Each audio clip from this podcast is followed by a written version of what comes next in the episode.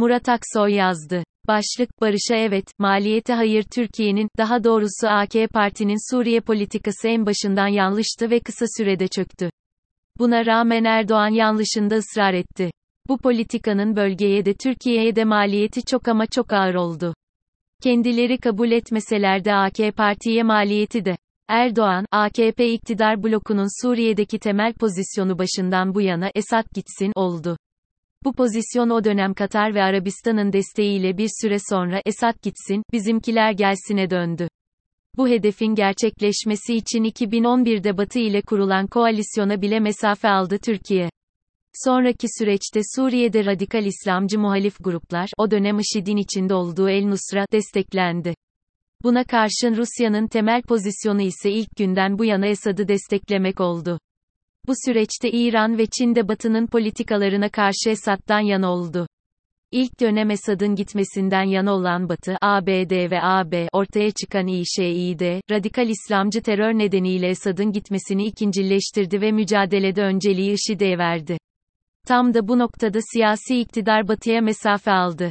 Rusya ve Batı'nın ortak noktası ama iktidarın görmediği şu oldu, Batı gibi Rusya'da IŞİD ve radikal İslamcı teröre karşıydı ve bu yüzden iki taraf da Suriye'nin kuzeyinde farklı bölgelerde seküler Kürt grupları desteklediler, desteklemeye devam ediyorlar. Bu açıdan Rusya'nın Suriye politikası, Erdoğan, AKP iktidar blokunun sürdüğü politikalara değil Batı'nın politikalarına daha yakındır. Rusya'nın da Batı'nın da ortak hedefi radikal İslamcı IŞİD ve benzeri yapılardır.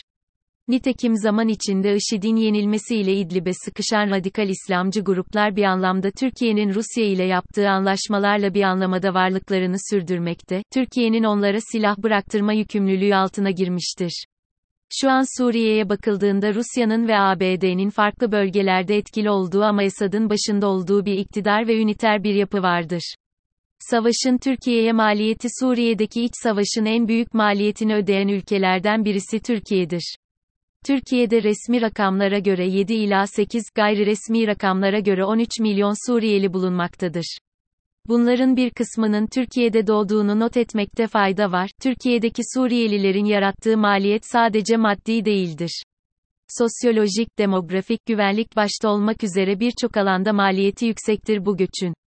Bu insanların büyük kısmının yeniden ülkelerine dönmesi siyasi iktidarın Esad ile kuracağı ilişkiden ve sağlanacak hukuki güvencelerden geçmektedir.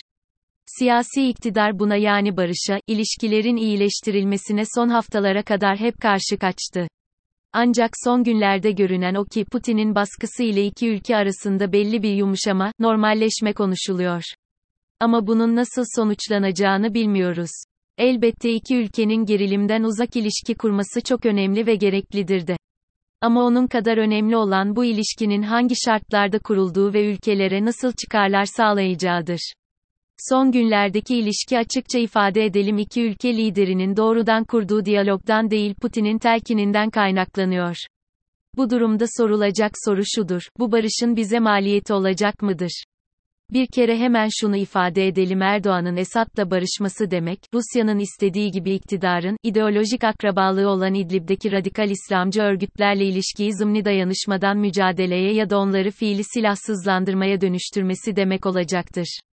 Bu ise oradaki örgütlerin Türkiye'deki uzantılarıyla mücadeleye başlamasını zorunlu kılacaktır. İkinci olarak, iktidarın Suriye'nin kuzeyinde otonom varlıklarını sürdüren Kürtlere karşı tutumu ne olacaktır? Şunu unutmayalım ki, Suriye'nin kuzeyindeki Kürtler hem Rusya hem de ABD, Batı tarafından korunmaktadır. Suriye'de Kürtleri yok sayan, bir yaklaşımın Rusya tarafından kabul edilmesi bu aşamada zor görünmektir.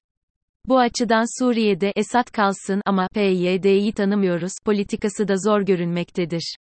Siyasi iktidar bu iki konuda nasıl bir tutum alçaktır bunu kestirmek güç eğer bu iki konuda iktidar adım atacaksa bunun bize maliyetini bilmek zorundayız. Çünkü bu olası barış bağımsız iki ülkenin birbiriyle doğrudan barışı değil, üçüncü ülkelerin kendi çıkarlarına uygun bir barış olma olasılığı yüksektir. Elbette Esad'la barışmaya evet ama bize siyasi, batıdan iyice kopmak ve ekonomik, ilkinin bile akıbetimizi bilmediğimiz bir ikinci parti S-400 alımı, maliyeti olmamasına da dikkat etmeliyiz. Çünkü görünen o ki, bu barış bize Putin tarafından empoze edildiği ölçüde maliyeti ağır olacak.